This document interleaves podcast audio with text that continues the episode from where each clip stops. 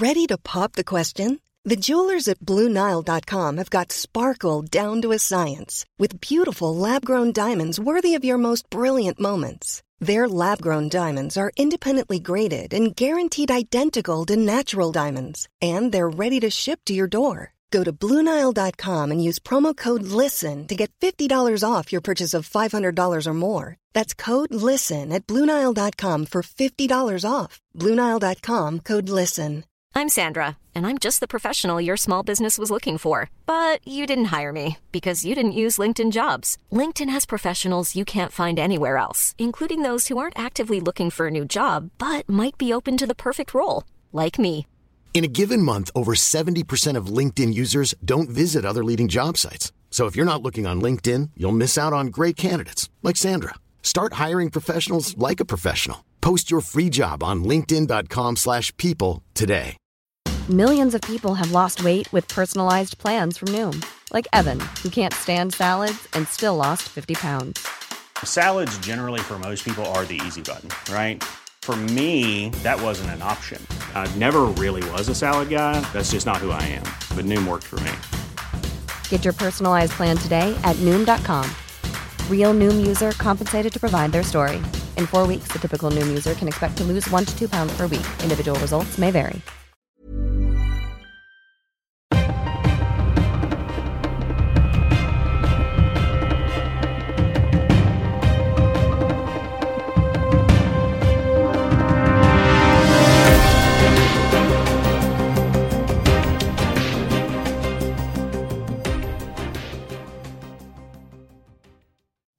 Ja, då säger vi varmt välkomna till ännu ett nytt avsnitt av dagens Juridikpodden med mig William Eriksson och med dig Stefan Wahlberg. Hur är läget?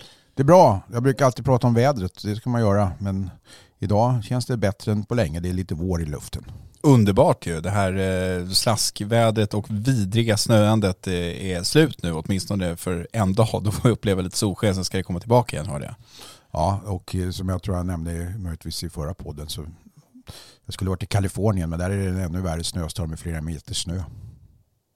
Jaha. Ja. Vad ska oh, oh. Var det inte intressant tyckte du? Jo. Det Ja, brukar lag- inte vara det i Kalifornien, inte med den typen av intensitet och sådär att de har stängt av interstate-vägar och sådär. Nej, verkar väldigt eh, pressat i Stor Kalifornien. dramatik. Det har även varit rapportering kring detta i svensk media. Men nu var, var det inte Kalifornien vi skulle prata om utan någon form av juridisk koppling har vi ju i den här podden. Ja, men eh, det, innan vi går in liksom på veckans ämnen, är det något annat som du har reflekterat över den här veckan som du tycker är värt att nämna för våra lyssnare? Finland går mot val. Turkiet går mot val. Det har ett visst samband med den svenska säkerheten. Och, och eh, i varje fall påstår sig den svenska regeringens förhandlare ha, ha, ha, ha ett visst ljus i tunneln beträffande NATO-ansökan och sådär. Så, så eh, något annat vet jag inte förutom det förskräckliga kriget som pågår i Europa och som så här långt eh, inte verkar ha något slut tyvärr. Det som är intressant är ju att Kristersson gick ut igår, tisdag, vi spelade in det här på onsdagen och sa att det är högst, eller mer sannolikt eh, just nu att Finland kommer gå före Sverige in i NATO. Eh, och så hade man, pratade man lite i metaforer och sa att Finland hade en kortare sträcka att springa från, redan från början så det är inte så konstigt om de spurtar förbi Sverige in i NATO och så vidare. Men jag menar, någonstans var det väl en grundplåt när vi gick in och bestämde oss för att vi skulle ansöka om medlemskap i NATO, att vi skulle ansöka tillsammans med och ansluta tillsammans med Finland. Det känns lite problematiskt tycker jag att nu verkar inte bli så.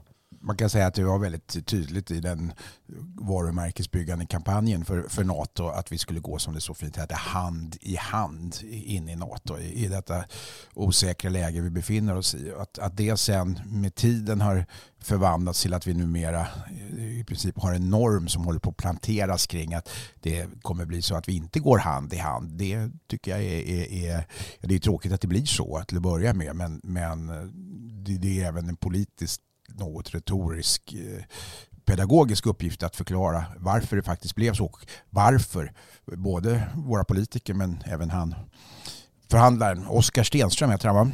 Eh, har, har fått det nu de senaste dagarna att låta som någonting som är helt naturligt utifrån att det skulle finnas en lite längre sträcka för Sverige att gå och sådär. Varför då? Va? Det kanske är på det viset, eller onekligen så är det på det viset, men, men det har inte riktigt förklarats tycker jag för oss medborgare varför man anser att det numera är något som är helt normalt när det bara för en tid sedan lät som att vi skulle gå hand i hand som en självklarhet. Nej, det ska bli intressant att se i efterhand om vi nu då räknar med att Sverige kommer komma med i NATO någon gång den närmaste tiden, om det nu är några månader bort eller om det kanske är ett år bort eller vad det nu kan vara, så ska det bli intressant att se om man i efterhand eh, kan få granska lite den här processen i retrospekt och, och, och, se vad som egentligen har sagts på en del av de här mötena och hur det egentligen låg till. Men vi lämnar det så länge och går vidare på Dagens Juridiks kanske största nyhet den här veckan, nämligen vårt, eh, jag ska inte kalla det avslöjande, men, men vår rapportering om att Sveriges äldsta livs livstidsfånge, 94-årige Helmer Ljus, nu efter otaliga försök har fått sitt livstidsstraff tidsbestämt av Örebro tingsrätt. Han har suttit där i 24 år nu innan bakom lås och bom, men nu står det alltså klart att han kommer att släppas ut. Han är som sagt 94 år, hans livstidsstraff omvandlas till 39 års fängelse och han säger själv, uppger han till tingsrätten, att det inte behövs någon utslussningstid eftersom det handlar om att föra över honom från en inrättning till en annan. Han har börjat bli väldigt svag, han är sjuk som jag förstår det och han kommer att behöva flyttas över till någon form av gruppboende och sådär. Men det är ovanligt Stefan att man är 94 år och sitter på, livstid, på livstidsfängelse för mord i Sverige. Jag skulle till och med säga att det är ex exceptionellt ovanligt om inte unikt att en sån gammal människa faktiskt fortfarande sitter inne och, och eh, ja, men det är inte alla som blir 94 år heller. Det är ju, om inte en exceptionell ålder, för det är det kanske inte, så är det en mycket hög ålder.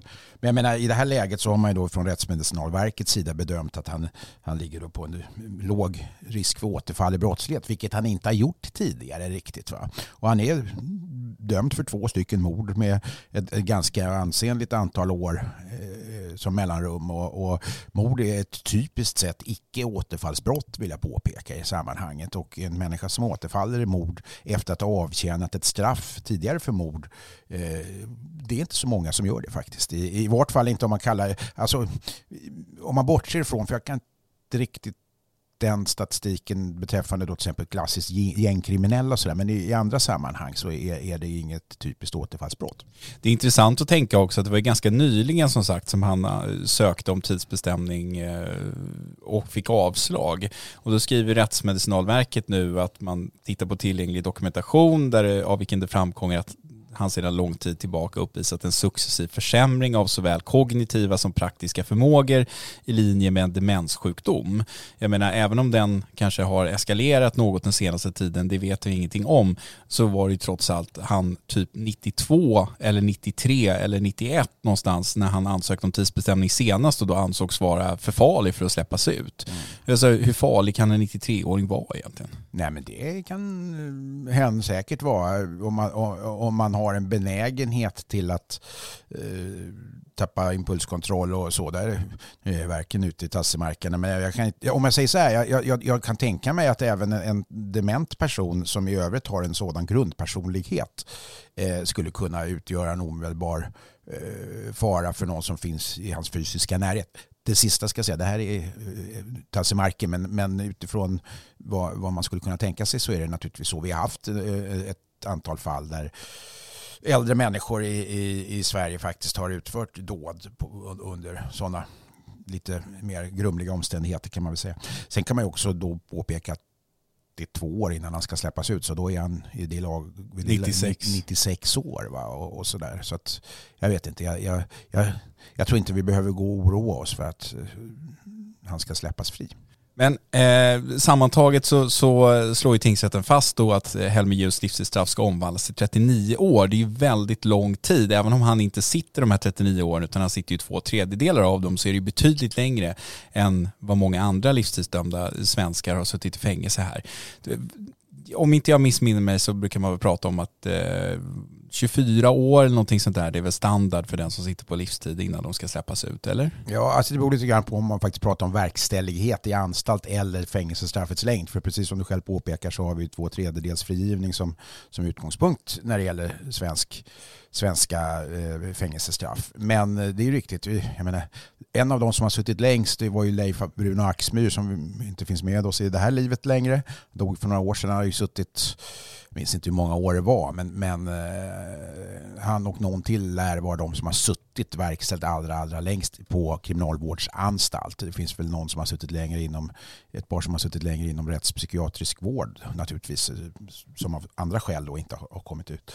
Men eh, det är långa straff och, och det det stämmer ju till viss allmän eftertanke eller diskussion kring livstidsstraffets vara eller icke vara. Och, och, ska vi införa förvaring som man till och med har eh, som alternativ i Norge där man då annars har ett, icke har livstidsstraff där förvaring är ett undantag när människor som anses ha en sån exceptionellt hög återfallsrisk eller farlighet faktiskt kan sättas in på eh, obestämd tid och det ska då prövas enligt konstitutionella regler. Annars har de ju maxstraff på, om jag inte minns fel, 25 års fängelse för ett citat vanligt slutcitat då ett grovt våldsbrott, mord till exempel. Men om vi tittar på Helmer Ljus då igen, 39 år som sagt, han sitter inte hela den tiden. Men det kan ju ibland höjas röster om att eh, livstidsstraff är inte livstidsstraff i Sverige, man sitter alldeles för kort, man borde sitta livet ut. 39 år får man ändå säga, det är ett ansenligt fängelsestraff. Tror du att vi kommer se en höjning liksom av medianstraffet för den som döms till livstid framöver med tanke på den i övrigt väldigt repressiva kriminalpolitiken? Ja, och har, vi har redan sett, alltså de senaste decennierna så har ju äh, den, den praktiska verkställighetstiden kraftigt ökat i förhållande till vad den var tidigare. Det, det råder ingen tvekan om det. Eh, sen är det en politisk fråga huruvida vi ska ha livstidsstraffet som jag var inne på tidigare. Eh, och i så fall om vi inte ska ha kvar livstidsstraffet som, som eh, det nu i, i talande stund eh, så ser det ju inte ut som om, om, om, det finns några politiska krafter som skulle vilja avskaffa det. Men om det skulle ske så får man börja diskutera helt andra metoder för, för eh, att, att eh, sammanväga Eh, till exempel straff, i, i samband med straffmätning sammanväga flera straffvärden från flera olika gärningar så att man då skulle kunna tänka sig att, att, vi, inte, att vi inte använder den här rabatt trappan eller den utplanade rabatttrappan för straff på samma sätt. Låt säga att man säger 25 år för ett mord och då eh, kanske man kanske inte skulle få 50 år för två mord men låt säga att man, man skulle åka upp rejält mycket högre då om vi skulle göra på det sättet. Nu är inte det aktuellt men eftersom du väcker frågan så kan det ju vara, jag tror att det skulle kräva ganska omfattande kriminalpolitiska överväganden innan man gör en sån sak. Sen kan man ju tänka sig att det finns länder som har system där domstolen redan i samband med utdömandet av straffet slår fast att, att eh, Eh, detta livstidsstraff kan inte omvandlas. Det finns ju länder som har det där domstolen redan från början gör den bedömningen att det här är livstid. Jag vet inte, det, det, det är lätt att säga att man i, i, i, repressiv mening tycker att vissa människor ska sitta inne, inne för alltid. De människorna är ganska få. Samtidigt är det väl så att eh, någonstans när man ska göra tidsbestämningar när Örebro tingsrätt tidsbestämmer livstidsstraff så är ju den tyngst vägande faktorn alltid Rättsmedicinalverkets eh, utlåtande och den här farlighetsbedömningen. Sen finns det såklart andra faktorer att ta hänsyn till och, och, det finns ju vissa givna kriterier för när man får för första gången ansöka om tidsbestämning av ett livstidsstraff och sen så ska det gå minst ett år mellan det att ett sådant beslut vinner laga kraft i dess att man kan söka igen. Alltså hur stor möjlighet har liksom Örebro tingsrätt som ju är egentligen den enda instansen som prövar den här typen av mål att liksom flytta den här gränsen uppåt eller är det en politisk fråga?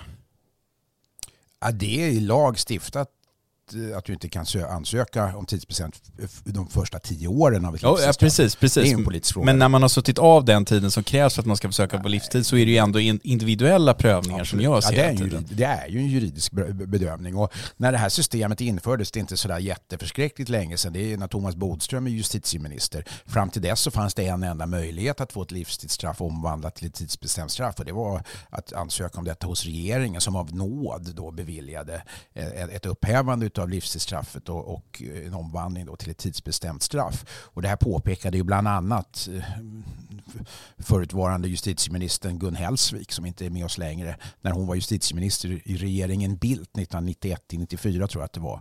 Att nåd är nåd och ingen rättighet. Det vill säga det fanns liksom ingen praxis då även om det fanns en, en, en, en riktlinje som man normalt följde. Det vill säga människor som var dömda till livstid fick som regel straffet omvandlat förr eller senare. Så fanns, så fanns det enligt då, dåtidens sätt att se på det här i vart fall. Ingen, ingen ska säga, det fanns ingen, ingen, inget behov av eller rimlig, rimlighet i att kunna åberopa en praxis. Det här ändrades sen i och med att man åberopade just det omvända argumentet som skäl för att införa det system vi har idag, nämligen att även omvandling från livstid till tidsbestämt straff skulle omfattas av samma möjligheter till förutsebarhet och, och, och, och praxis eh, och prejudikatsbildning som, som all annan juridik. Och det här framhölls av dåvarande justitieministern Thomas Bodström som ett av skälen till att man ändrade på detta. Så det, det, det har skett en utveckling kriminalpolitiskt här.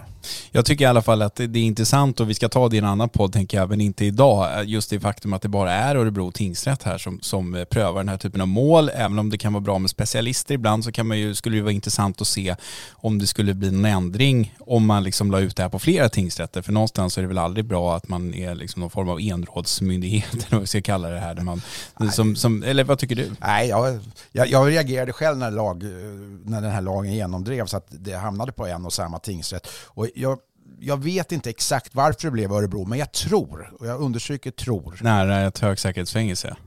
Nära Kumla, va? Mm. Eh, där, där dåtidens, dåtidens farligare brottslingar som hade dömts till livstid satt på den så kallade Kumlabunkern för att prata i lite vardagliga termer. Jag tror att det var orsaken. Att, att, sen finns det ju andra eh, rättsområden där man har utsett specifika domstolar, inte minst Stockholms tingsrätt då, i många sammanhang som, som enda eh, varandes eh, första instans där man kan, dit man kan vända sig. Nu valde man Örebro tingsrätt och det finns väl ingen anledning att ifrågasätta deras kompetens på området. Tvärtom, de har utvecklat en, en ganska god eh, rutin kring det här det överklagas då. De tillhör ju Göta hovrätt när det tittas på, på eh, övre instans och sen är det ju HD och HD har ju prövat ett antal sådana här fall och slagit fast ett antal kriterier kring hur man ska vikta då risken för återfall, farlighet och, och övriga personliga omständigheter och sådär. Så det finns ju någon form av praxis på området.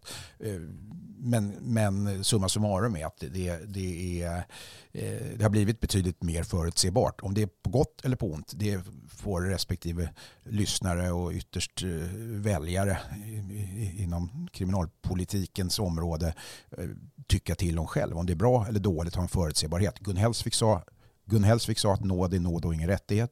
Thomas Bodström sa att det krävs en förutsebarhet här precis som inom alla andra rättsområden. Intressant juridik i alla fall för det påverkar ju människor i allra högsta grad. Både den som är livstidsdömd men och när det gäller sådana här mordärenden och, och, andra brott som riktar sig mot personer såklart. Efterlevande och målsäganden och annat. Så att det är stora beslut som fattas av Örebro tingsrätt. Låt oss eh, kanske snacka mer om det här någon gång. Det är ett intressant ämne. Vi kanske ska bjuda in någon expert, kanske från Rättsmedicinalverket eller något. Men vi tar det en annan gång. Vi ska att slänga på en trailer och sen ska vi prata påskupplopp och ett färskt avgörande från Högsta domstolen.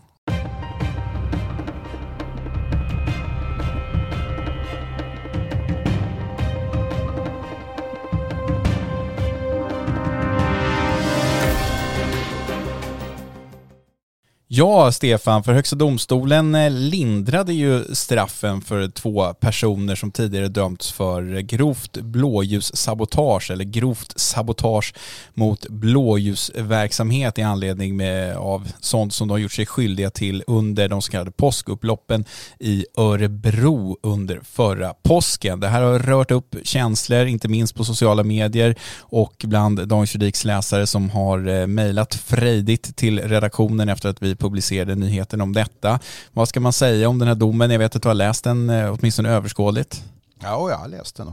Jag, jag tycker att det är intressanta rättsfrågor som är typiskt sånt här som Högsta domstolen ska ta ställning till. Den första frågan man, man faktiskt lyfter är huruvida det här ska, alltså brottsrubriceringen, alltså det här, alla, de här gärningarna då, alltså gärningsbeskrivningarna fyller rekvisiten för, för både våldsamt upplopp eh, och sabotage mot blåljusverksamhet. Alltså, båda de här två brottsrubriceringarna skulle kunna tillämpas. Och här väljer då eh, Högsta domstolen att lägga den, eh, kallar för den allvarligare eh, bestämmelsen till grund för sin bedömning i någon form av konkurrens. Man diskuterar mycket kring konkurrensfrågor mellan två, två lagrum och kommer fram till att det, det här är sabotage som blåljusverksamhet även om det också är upplopp. Men samma gärning kan ju som bekant inte läggas till grund för två att man döms för två olika brott eh, på det sättet. Den andra rättsfrågan som är intressant är just det som man resonerar kanske mest kring i domen, nämligen vilka krav man ska ställa på det här klassiska uttrycket att eh,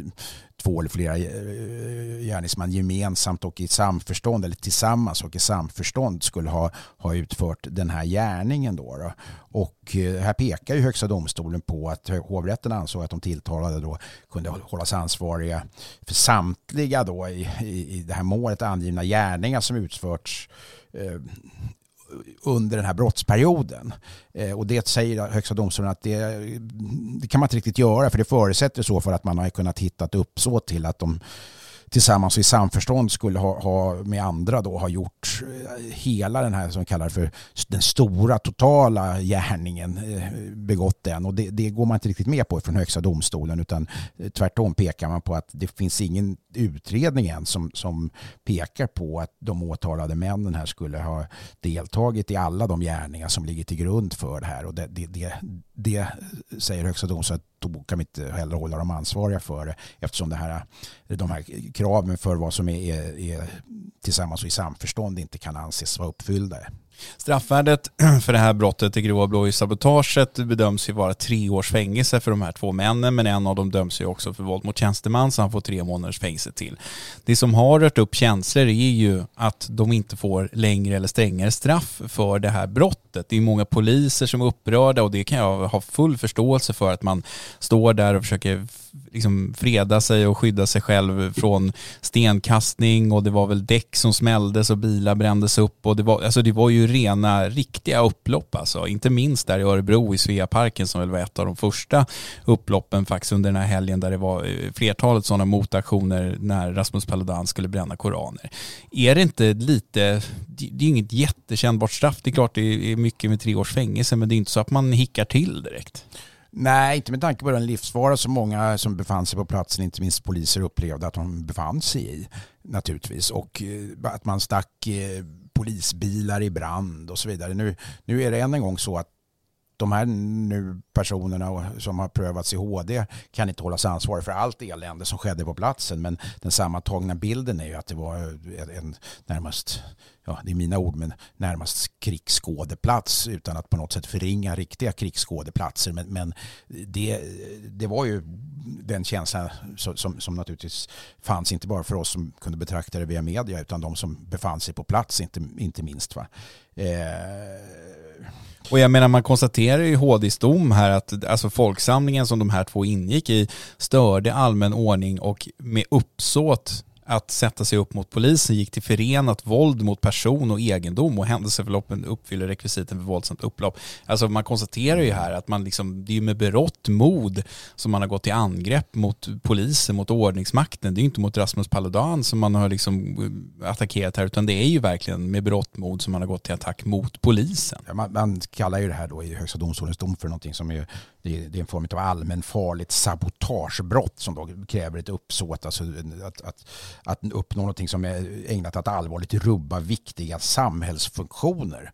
Och det, det är ju väldigt allvarligt. Alltså det, är ju, det, är inte, det här är ett brott, brottsrubriceringen som sådan är ju brott mot, mot det allmänna och inte mot enskild person. Utan det här är ju den typen av brottslighet som, som tar sikte på att, att skada så att säga eh, systemet. Och, och, och det är samma typ av jag menar, terroristbrott till exempel, bara för att ta ett annat sådant exempel. För jag tänker att det som är, även om det inte är HDs fel på något sätt, de ska ju bara tolka lagstiftningen, så det kommer inte bli lätt lättare att rekrytera poliser till eh, liksom, polisutbildningen eller studenter till polisutbildningen när man, när man ser sånt här. Så jag tror ju att låga straff för den här typen av gärningar leder till svårigheter att rekrytera nya poliser. För att det är ju ingen som vill stå och vara polis i sån här situation om man upplever att samhället inte tar det på allvar när man utsätts för den här typen av fara. Nej, det är, det är väl inte det som kanske lagstiftaren primärt har velat träffa med den här lagstiftningen utan det är just att skydda snarare allmänna intressen än, än, än säga, rekryterings... Men är inte polisen ett allmänt intresse? Jo, i sig, men alltså jag tror inte att, att lagstift, alltså den, lagstiftaren har inte tänkt på att det här kan påverka den, den rekryteringsprocess som, som polisen bedriver. Det, det, det tror jag inte för att svara Nej, på din fråga. Men okej, okay, så här, när man instiftade brottet blåljussabotage, det är ganska nyligen, jag tror det är två eller tre år sedan, så pratade man ju mycket om så här, okej okay, vad ska det här landa i, vad är det egentligen som är ett blåljussabotage? Man pratade om avskurna brandslangar, man pratade om stenkastning mot polisbilar och så. Då var det ju mycket fokus på att man, så här, man får inte hindra utryckningsfordon, man får inte hindra blåljuspersonal i utryckning. Nu när vi har sett de här påskupploppen då kanske det finns anledning att, så att säga, titta på den här bestämmelsen igen och se, ja men behöver vi utvidga den ännu mer för att man ska kunna få strängare straff även när man angriper liksom enskilda poliser eller är den bra som den är? Ska man använda sig av andra rubriceringar vid sidan av som, som Högsta domstolen gör här till exempel? Man går ju ändå och lägger det på, rubricerar det som grov blåljus blåljussabotage, alltså ett grovt brott och inte av normalgraden. Just för att det har äventyrat så stora intressen och människoliv och så vidare. Sen eh, om, om vi då generellt sett i Sverige har en förmåga att, att lägga oss på den nedre delen av straffskalan. Det kan, kan faktiskt leda, grovt blåljussabotage kan faktiskt, eh, även om det undantagsvis leda till livstidsfängelse. Ja men det var ju rätt långt härifrån. Ja det kan man säga, det är i högsta grad. Men, men det finns en skala att spela på, det är det jag menar. Och en, en icke ovanlig diskussion inom svensk kriminaldebatt är ju just att vi tenderar att lägga oss på den nedre delen av skalan och kanske till och med på, på, på straffminimum i allt för hög omfattning. Och det är inte en juridisk fråga utan det är en politisk fråga huruvida det ska göras eller inte. Sen har man då utvecklat den praxisen i Sverige och det finns de inom straffrättsvetenskapen som, som då menar att det är, är så det är tänkt att vara och det säger inte jag emot kring. Men det finns alltid möjlighet att diskutera det därför att det är, straffmätning är och förblir eh, ytterst en politisk fråga. Jag kan ju tycka, nu är inte jag domare i Högsta domstolen, men jag kan ju tycka generellt sett att man i väldigt hög grad dömer personer, det behöver inte bara röra de här påskupploppen, för blåljussabotage när man kanske hade kunnat dömt dem för någonting annat. För jag har ju fastnat lite grann på det här att det just ska vara ett hindrande av en utryckning. Jag är inte säker på att man hindrar en utryckning om man ställer sig och hoppar lite på taket på en polisbil som står parkerad på gatan. Att man istället skulle kunna döma för skadegörelse eller någonting annat. Men att man snarare när man väl dömer någon för att ha hindrat en polisutryckning eller som i det här fallet liksom ställt till med det här upploppet skulle kunna ta i ännu mer på straffet i så fall. Ja, alltså de mildare eller lindrigare brotten här konsumeras ju av grovt blåljussabotage som anses vara ett allvarligare brott. Så, det, det, så är det ju och då är frågan om, det, om straffvärdet totalt sett är högre eller inte. Ja, det, det, det är ju jag, alltså jag, skrev, jag har full förståelse för de som tycker att det blev för lågt. Jag skrev nyligen en artikel om en person som hade sparkat sönder en backspegel på en polisbil som dömdes för blåljussabotage till exempel. Då kan man säga så här, ja, man kanske inte kan framföra det här fordonet, det är inte lagligt att köra den här bilen utan en fungerande backspegel. Men kom igen, är det sabotage och blåljusverksamhet? Det är väl en, en, en devalvering av ett brott som är anses som är avsett att träffa något som är allvarligare än att sparka ja, sönder en backspegel. och det är det jag menar. Därför när man liksom strösslar med domar som gäller blåljussabotage då, då, och sen så ser man att de här personerna döms i tre års fängelse, då kan man ha viss förståelse för upprördheten som växer bland poliser och allmänheten i stort som känner att men vad då får man bara tre års fängelse för det här då kommer vi se upplopp hela tiden och vi kommer inte kunna få några nya poliser som söker utbildningen. Mm. Nu ska man ha klart för sig att sänkningen av straffet i Högsta domstolen eh, inte i sig innebar att Högsta domstolen såg mindre allvarligt på brottet brottsligheten som sådan utan sänkningen beror ju bland annat på att man då frångår hovrättens bedömning och, och, och, och kring vad som är visat att, att var och en här ska dömas för faktiskt. Man skriver så här med hänsyn till eh, att konstruktionen som sådan innebär att personer som agerar gemensamt och i samförstånd ansvarar för det gemensamma är det av rättssäkerhetsskäl centralt att beviskravet beträffande de omständigheter som ligger till grund för att tillämpa konstruktionen upprätthålls. Det vill säga det, vi kan inte bara lite slentrianmässigt säga att allt som hände i den här eländiga, eh, eländiga situationen ska läggas just de här två eh, åtalade till, eh, till last så att säga. Och det, det är ju en av orsakerna att man sänker straffet, att hovrätten anser att den brottsliga verksamheten omfattar mer än vad HD anser, så kan man säga. Ja, och det är väl rimligt att man kanske inte som eh, en av få som lyckas identifiera sig i efterhand ska bära skulden för alla andras brottslighet också. Och summa summarum kan man väl säga att det är väl bra att HD har prövat ett av de här eh, påskupploppsmålen nu så har vi lite praxis på det området när det kommer till det här. Det kommer säkert dyka upp fler mål i svallvågen av eh, påskupploppen trots att det nu snart har gått ett år sedan de skedde. Stefan, låt oss gå vidare och prata om ordningsstörningar i rättssalarna.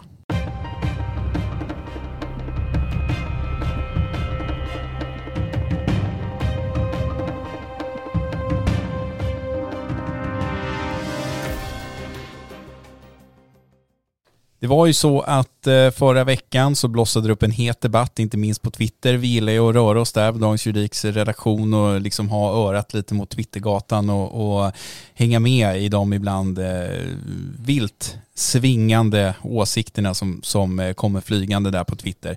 Det handlar om att Hanne Kjöller, ledarskribent, profilerad sådan på Dagens Nyheter, skrev en eh, artikel som handlade om ordningsstörningar i rättssalarna. Den var rätt eh, syrlig, den var rätt kritisk. Hon hänvisade bland annat till en en händelse som är mycket uppmärksammad och som skedde för tre år sedan ungefär, som är en mycket uppmärksammad sån ordningsstörning. Det här mötte starka motreaktioner från många jurister, framförallt brottmålsadvokater, åklagare åklagare och domare som på Twitter menar att nja, så här vanligt som Hanne Kjöller vill få det till är det nog inte riktigt med de här ordningsstörningarna i svenska domstolar utan det händer någon gång då och då men det är mycket sällsynt. Jag kan säga jag delar den bedömningen. Jag har ändå varit på ganska många förhandlingar de senaste senaste åren och det är väldigt sällan som det är den typen av ordningsstörningar som Hanne Kjöller refererar till i sin ledartext. Vad säger du Stefan? Är du med mig? Jag håller med dig om att det är sällan. Jag har också i mitt liv tillbringat avsevärd eh, tid på, på eh, rättegångar och i, i rättssalar.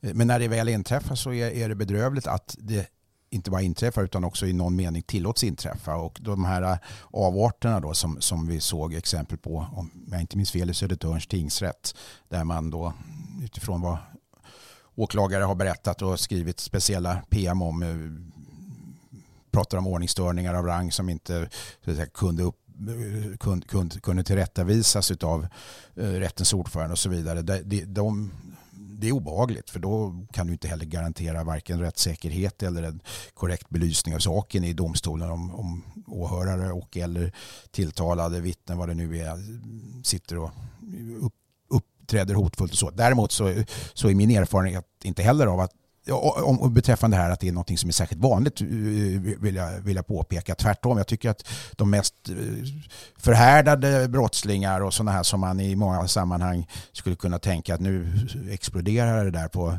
på den tilltalade sida.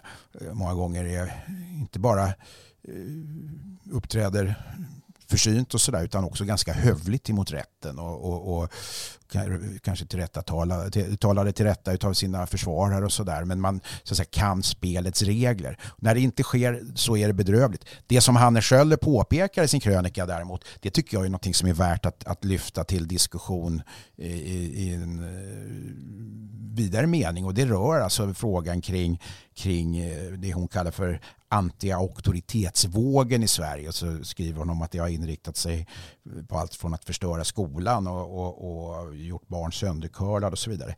Jag är väl av den uppfattningen i de här sammanhangen, precis som Hannes Schöler skriver, att ordning och reda i rättssalarna eh, är bra. Eh, det understöds gärna av en viss form av auktoritet som utstrålas genom till exempel både byggnadernas utformning, eh, jag tycker att det är bra att ha domarkåpor, vilket vi inte har i Sverige. Och jag medverkade för ett antal år sedan i, i, i ett seminarium där det var din gamla professor vid Lunds universitet, Kjell-Åke Moder, som var professor i rättshistoria.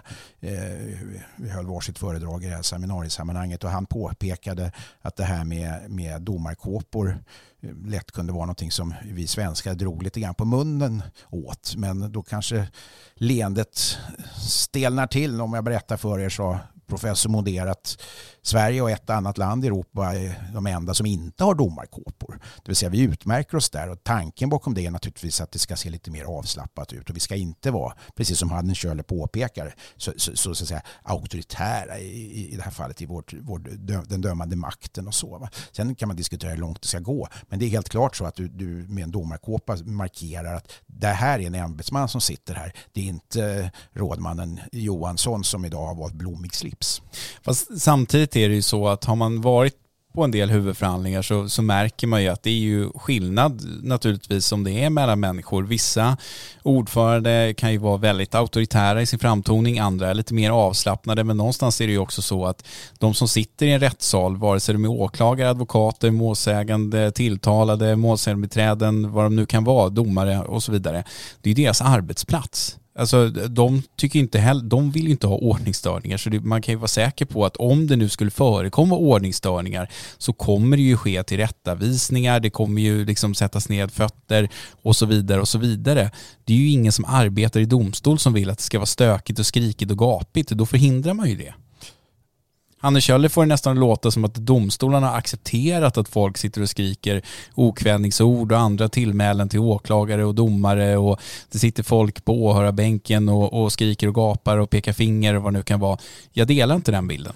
Nej, det är inte i den omfattningen som man skulle kunna då få intrycket eh, utav. Eh, därför att det här är undantag. Och än en gång, jag tycker att de mest förhärdade brottslingar har framstått som, som väldigt eh, milda i sin framtoning många gånger när jag själv har bevistat rättegångar under man säger, stor andel av min tid va, i, i yrkeslivet. Så att nej, det är nog inte så utbrett. Däremot så har jag ju själv sett vid tillfällen att man kanske tycker att rättens ordförande i någon mening borde eh, ha lite kortare stubin och lite snabbare med sina tillrättavisningar. I, i, och det gäller inte minst under sånt här som motförhör som till exempel en försvarsadvokat håller. Eh, och, och, och, eh, till exempel ett, ett vittne kan uttrycka sig sarkastiskt eller nedlåtande. Och, och, underförstått, jag låter mig bara förhöras av åklagaren som är enligt min uppfattning the good guy och sådär. Och där menar jag att det är viktigt att man går in och stämmer i bäcken av principiella skäl, även om det inte är direkt otrevligt och, och okvädningsord utan mer en arrogant hållning. Och det finns ju möjligheter enligt svensk rätt att avskilja personer från en rättssal och att tilltalade som beter sig illa kan få följa eh, återstoden av, av eh, huvudförhandlingen i ett angränsande rum men inte själv vistas i samma rum som vittnen. Och så, vidare. så det finns ju möjligheter och jag är, jag är inte inte säker på att de alltid utnyttjas i tillräckligt hög omfattning även om jag inte ser det som ett så stort problem som, som det kan framstå som när man läser Hanne Schölders krönika. Så kan Sen kan väl jag också tycka att eh, alltså, ordet ordningsstörning har ju, det är ju liksom, alla människor kan ju tolka det på olika sätt. Jag kan samtidigt också tycka att människor som befinner sig i en väldigt pressad situation, vare sig man är målsägande eller tilltalad i ett brottmål, om vi nu tar brottmål som exempel, för jag misstänker att eh, Hanne Kjöller inte är inne på dispositiva tvistemål när hon tänker på de här ordningsstörningarna, så är det väl så att kan man inte ha viss förståelse för att sådana personer kan eh, under en kort sekund brusa upp eller att man känner sig pressad och, och, kanske säger någonting som man inte riktigt menade och så får man ta ett djupt andetag när någon säger till en att så där kan du inte säga och så lugnar man ner sig. Är det liksom en ordningsstörning att förfäras över? Nej, men det, är inte, det är väl som allting här i livet att om det är man... på liv, för en del människor är det ju bokstavligen på liv och död alltså. Ja, ja, ja. Och det är väl så att om, om, om, om du tillfälligtvis, jag menar alltså får en känsloyttring i en rättssal så är väl det högst mänskligt. Men det får inte bli något systematiskt som i slutändan syftar till att, att sätta rättssystemet ur balans eller få rent konkret vittnen ur balans eller så. Det, det kan inte tolereras eller accepteras. Eller för den delen att åklagare, domare, advokater och andra närvarande vittnen, naturligtvis målsägande vad du vill, de som aktörerna i rättssalen, att, att ingen får ju naturligtvis utsättas för kränkningar eller, eller rena påhopp och sådär i, i, i den mening som vi pratar om här. Men, och här menar jag ju då att jag, jag, jag tror än en gång på, alltså jag, jag, tycker att det ska vara lite, lite pampigt och lite respektingivande när man kommer in i, i en rättssal och eh, gärna ett podium och, och för min del, om inte peruker så i vart fall domarkåpor. Du tror att det skulle vara lösningen på problemet? Nej, absolut inte. Men jag tror att det skulle kunna vara eh, ett steg i rätt riktning. Du, du tycker att de ska vara anonyma också, domarna? Eller? Nej, det tycker jag inte. Därför att det finns en, en, en insynsmöjlighet eh, som är viktig att se vad är det här för en domare. Så vi kan inte ha eh, dom, domar i anonymitet i, i, i domstolarna. Men däremot att, att de rent eh, utåt sett så att säga, signalerar, precis som en polis. Det finns ett syfte att en polis har en uniform. Han är inte polisinspektör Eriksson utan han eller han är just polisinspektör Eriksson men, men inte Eriksson. Så ska jag säga naturligtvis. Oj, vilken metafor. Ja, det var, det var är det Björn Ranelid nej, som Nej, men det här är ju här? själva grunden för hela uniformeringen i allt från militär till polis. Att de representerar inte sig själva, det är dit jag försöker komma med det här resonemanget. Utan de representerar ett ämbete. Eh, och så man ska ha respekt för ämbetet som sådant, vilket också ställer högre krav på att till exempel poliser står uttryckligen i, i, i polislagen att de, de ska upp, också uppföra sig väl och inte visa eh, utslag av, av, av småaktighet och, och så vidare. Va? Ska uppträda på ett fint fint och prydligt sätt för att de just representerar ett ämbete. Det gäller ju även svenska domare och hade de då haft domarkåpor på sig så hade de i någon mening blivit neutraliserade mer och det var mer ämbetet som satt där. Det här är ingen stor grej jag vill understryka än en gång vad Åke eh, Kjell-Åke Moder sa. Det här är alltså inte någon, Sverige är ett undantag inom Europa.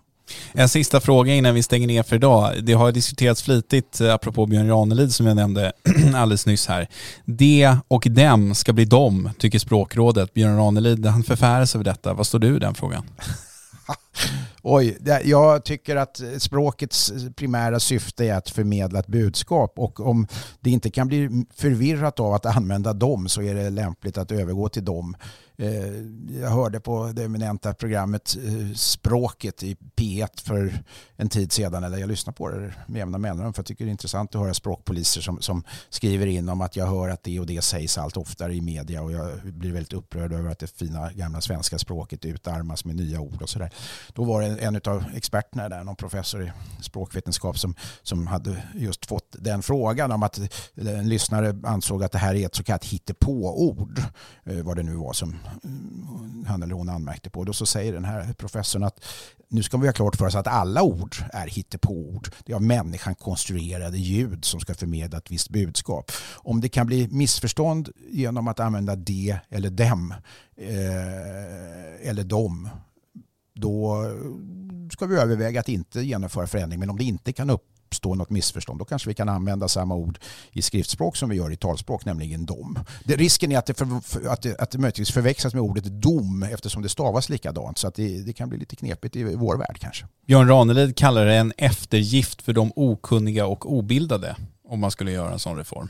Ja, Björn Ranelid är en stor författare och, och, och, jag tycker han ska ha full frihet att fortsätta skriva det och dem. Det gäller för övrigt Peter Englund och, och Horace Engdahl och andra som jag, jag hörde tyckte att, att man kunde behålla de här formerna även om det är så att de i enklare sammanhang kunde överges och då istället användas ordet dom. Ja, vi, eh, där fick vi klippa faktiskt, trots att det bara är tio sekunder kvar av podden. För jag bröt ut i skratt och Stefan förstod inte varför. Så det blev en lång pinsam tystnad. Och sen skrattade vi broderligt ihop. Hörrni, nu ska vi sy ihop den här podden genom att säga att om ni vill oss något så mejlar ni oss på podden at dagensjuridik.se. Vill ni ingenting så kan ni bara njuta av en trevlig helg och så hörs vi i eten nästa vecka igen. Tack för att ni har lyssnat. Ha det bra. Hej! Och lär er skilja på dom och dom.